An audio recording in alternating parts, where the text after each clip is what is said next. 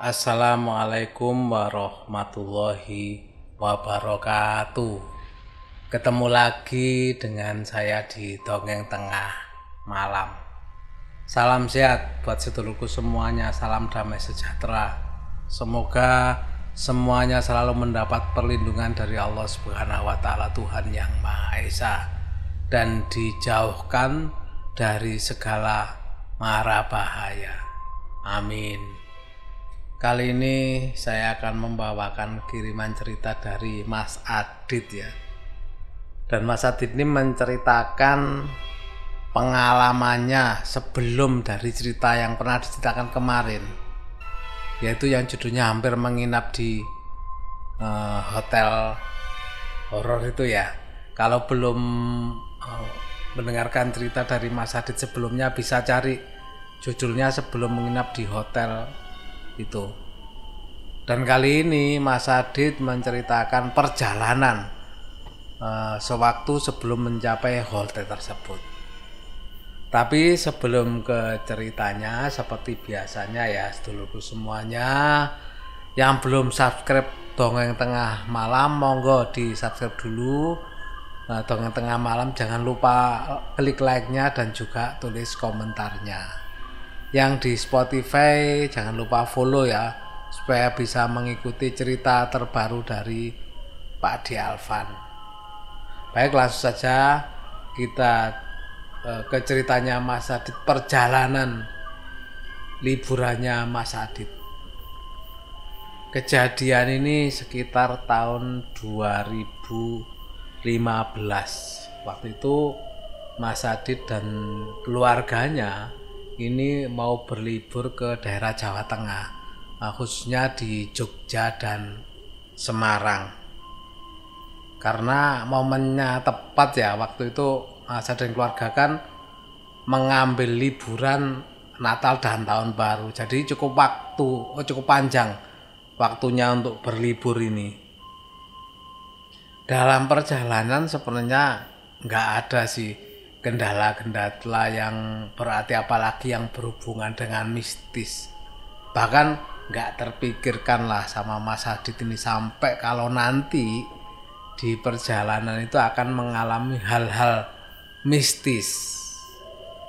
Perjalanan pertama keluarganya Mas Adit langsung menuju ke kota Yogyakarta. Karena memang di sana kan banyak tempat-tempat eh, peninggalan sejarah ya.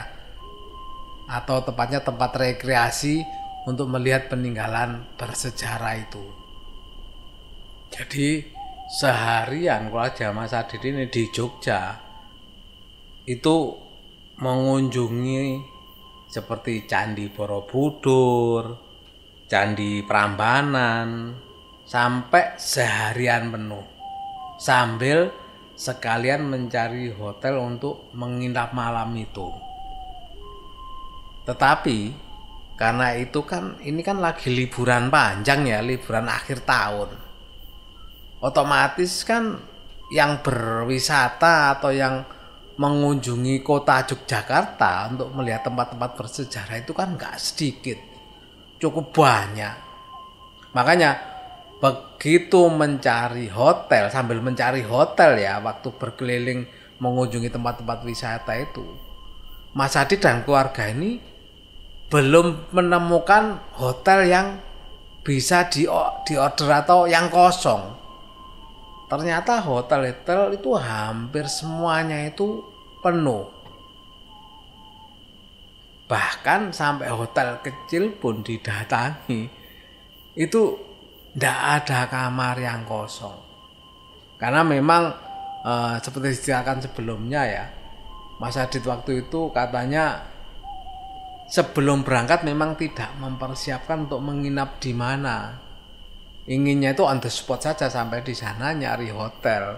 Lupa atau gimana kalau hari itu adalah long weekend liburan panjang akhir tahun ya otomatis karena liburan panjang orang-orang yang mempersiapkan diri jauh hari sebelumnya kan sudah booking hotel-hotel nggak mau kan mereka datang ke sana kecewa nggak ada tempat untuk menginap tidak seperti yang dilakukan keluarganya Mas Adit ini rencana on the spot eh, datang di sana langsung cari hotel. Makanya eh, keluarganya ini tidak mendapatkan hotel untuk menginap. Karena sudah dicari ke sana kemari nggak dapat, akhirnya diputuskanlah eh, untuk meneruskan perjalanan saja ke Semarang karena memang rencana tujuannya kan dari Jogja langsung sekalian ke Semarang. Jadi malam itu lanjutlah perjalanan ke Semarang. Tapi sebelum ke ke Semarang sampai kota Semarang, Mas Adit ini nggak tahu tepatnya di daerah mana. Tapi yang pasti daerah itu adalah daerah sebelum memasuki daerah Alas Roban. Karena perjalanannya ini masih jauh dan memang oh, sore atau malam ini satu rombongan keluarga ini kan belum makan malam. Makanya sebelum melewati alas roban ini kebetulan melihat ada warung makan Mas Adit dan keluarganya ini berhenti untuk oh, makan malam di warung tersebut Waktu itu Mas Adit masih ingat ya, karena begitu putih sempat melihat jam tangan dan jam di tangan waktu itu sudah menunjukkan jam 9 malam. Dan sebelum memesan makanan, ternyata warung itu sebenarnya mau tutup. Makanya pe, pemilik warung menyampaikan ke keluarga Mas Adit bahwa sebenarnya ini warung mau tutup, tapi karena ada dari keluarganya Mas Adit apalagi nggak satu dua warung cukup banyak orang ya eh, yang pemilik warung pun mempersilahkan dan menyampaikan aja bahwa setelah ini warung ini mau tutup. Dengan harapan mungkin ya eh, untuk bagi pemilik warung itu kalau ada pemberitahuan gitu kan eh, warungnya ini nggak dijadikan sebagai tempat istirahat keluarganya Mas Adit ini kalau istirahatkan akhirnya berlama-lama di warung e, tersebut. Makanya begitu makanan sudah e, selesai atau dihidangkan, segeralah keluarga Mas Aditi menyantap makanan yang dipesannya.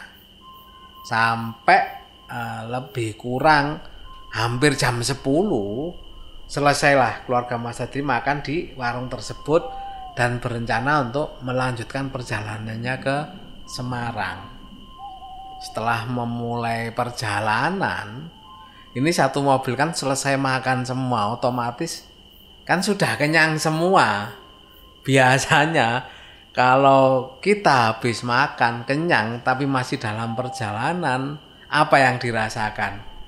Ya pastinya ya mengantuk lah perut kenyang duduk istirahat apalagi di dalam mobil.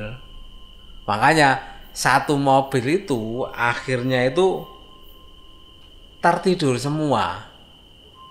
Termasuk Mas Adit ini ya. Tapi sebenarnya nggak semua nggak semuanya tidur sih. Nggak 10 orang kan jumlah penumpangnya ini kan 10 orang. Di satu mobilnya Mas Adit ini ya. Jadi ada 10 orang nah, kebetulan mungkin karena nggak apa namanya ada yang menemani papanya Mas Adit ini ya untuk berjaga ternyata ditemani sama ibunya Mas Adit dan tantenya. Jadi dari 10 orang yang ada di mobil ini, tujuh orang itu tertidur semua termasuk Mas Adit. Nah, di perjalanan inilah eh, akhirnya mereka mengalami kejadian mistis. Jadi yang cerita ini itu ibunya. Kan yang masih apa namanya nggak tidur kan ada tiga papanya yang nyetir mamanya ibunya dan tantenya. Jadi ibunya ini cerita sama Mas Adit. Pada waktu perjalanan itu kan sudah malam ya. Jalanan itu katanya sepi sekali dan juga gelap karena sudah mulai memasuki alas roban lah di jalan masuk hutan ini kan memang jarang penerangan ya. adanya pun nggak terbatas sekali gitu loh penerangannya. Jadi pada waktu perjalanan itu kan sepi. Ini menurut ceritanya ibunya Mas Adit ya.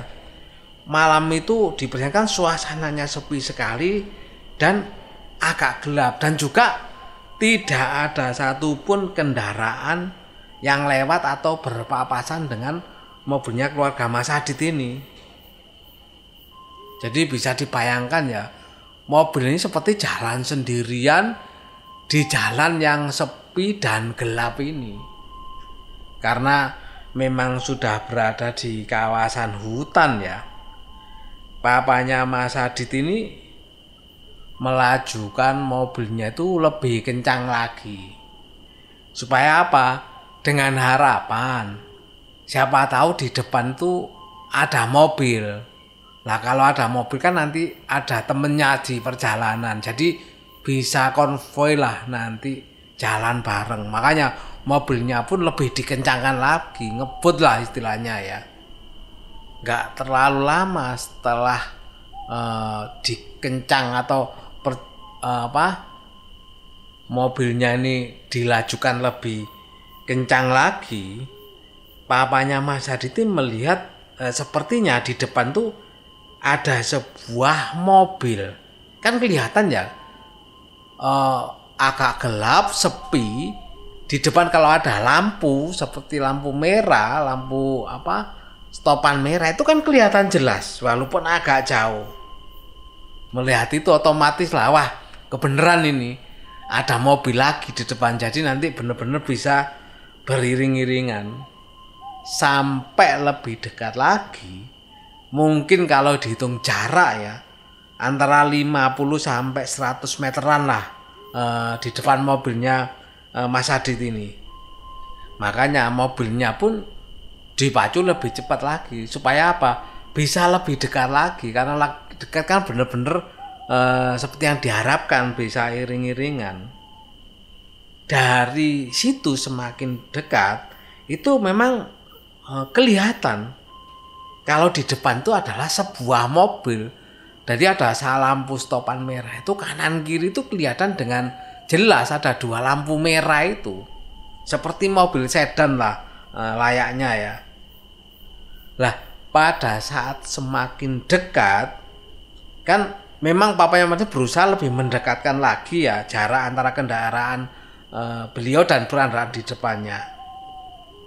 Pada saat uh, lebih dekat dan lebih dekat lagi, tiba-tiba mobil yang ada di teman di depannya itu itu menghilang di kegelapan malam. Jadi bisa dibayangkan ya jarak antara 50 100 meter kan kelihatan jelas kalau itu ada dua lampu stopan lampu mobil seperti mobil sedan itu.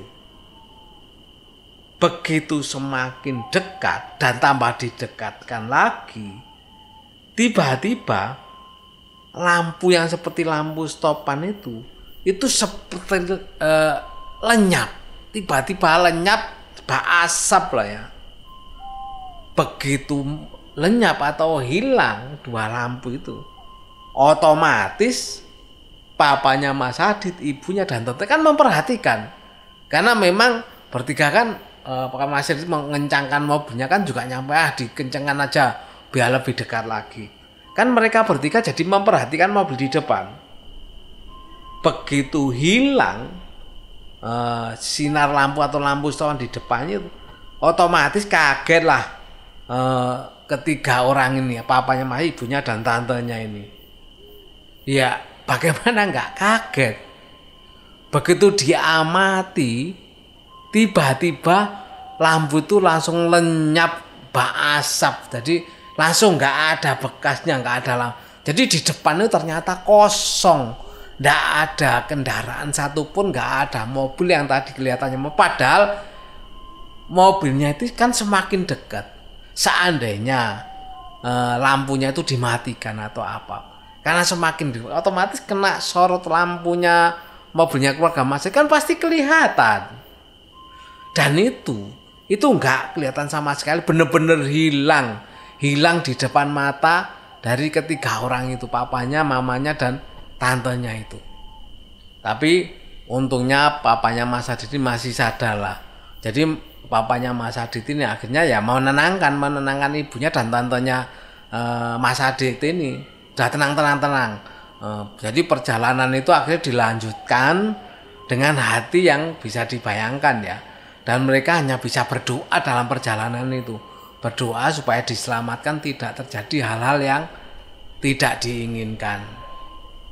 Dan seluruh yang ada di mobil itu nggak ada yang tahu semuanya. Jadi mereka ini hanya mendiamkan saja, dibiarkan saja, gak usah diberitahu. Karena kalau dikasih tahu yang lainnya, khawatirnya apa? Kan panik satu mobil bisa panik. Makanya sama papanya Mas ya udah tenang biarin aja lah. Eh, banyak-banyak doa saja supaya nggak terjadi apa-apa di jalan ini. Dan Mas Adit pun di apa diberitahu sama uh, ibunya Mas Adit ini adalah setelah bangun ya, setelah bangun lihat jalan kok mendengar ibunya, papanya dan juga tantenya ini sedang berbicara mengenai hal mistis. Makanya Mas Adit penasaran sedang membicarakan apa. Barulah ibunya ini menceritakan apa yang barusan dialaminya di eh, waktu lewat di hutan tersebut.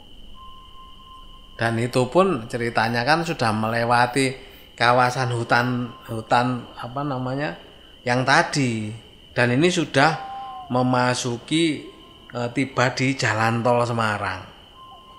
Dan setelah kejadian tersebut, Mas Adit pun penasaran.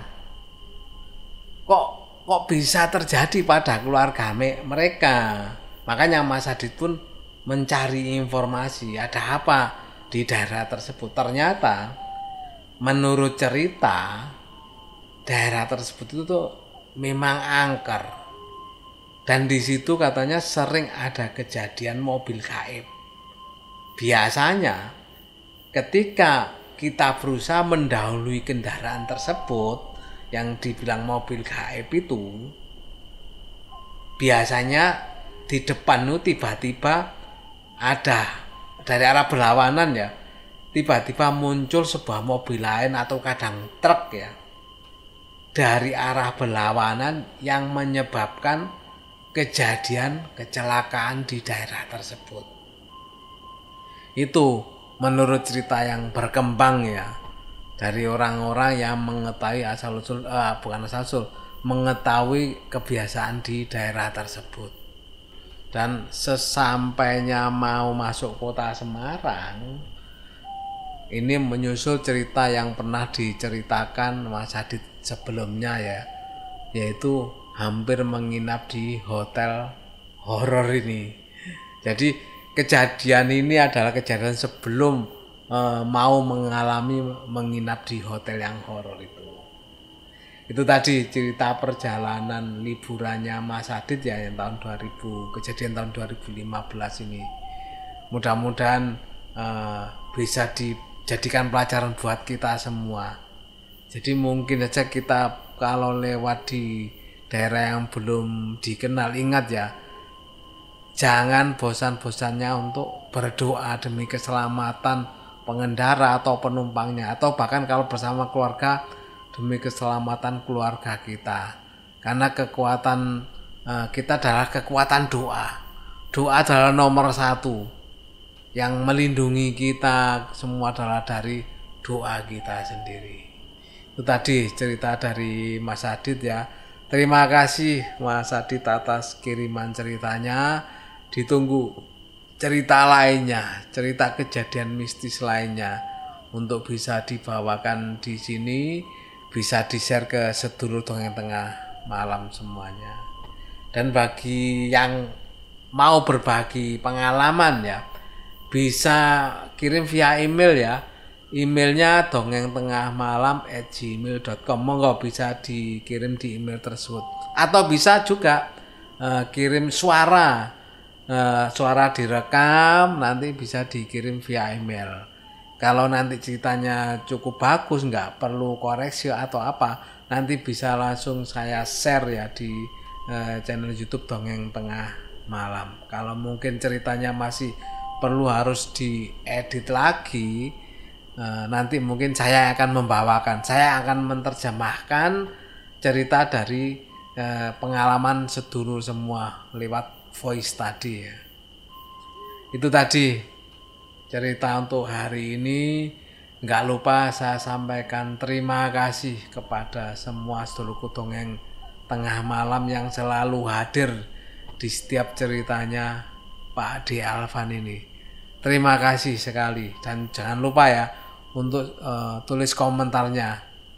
Uh, mungkin kritikan atau apa boleh. Kritikan adalah untuk membangun, untuk introspeksi. Mungkin Pak D kurang apa, atau mungkin ceritanya terlalu berlebihan atau boleh disampaikan di kolom komentar nanti buat introspeksi dari uh, Pak D sendiri.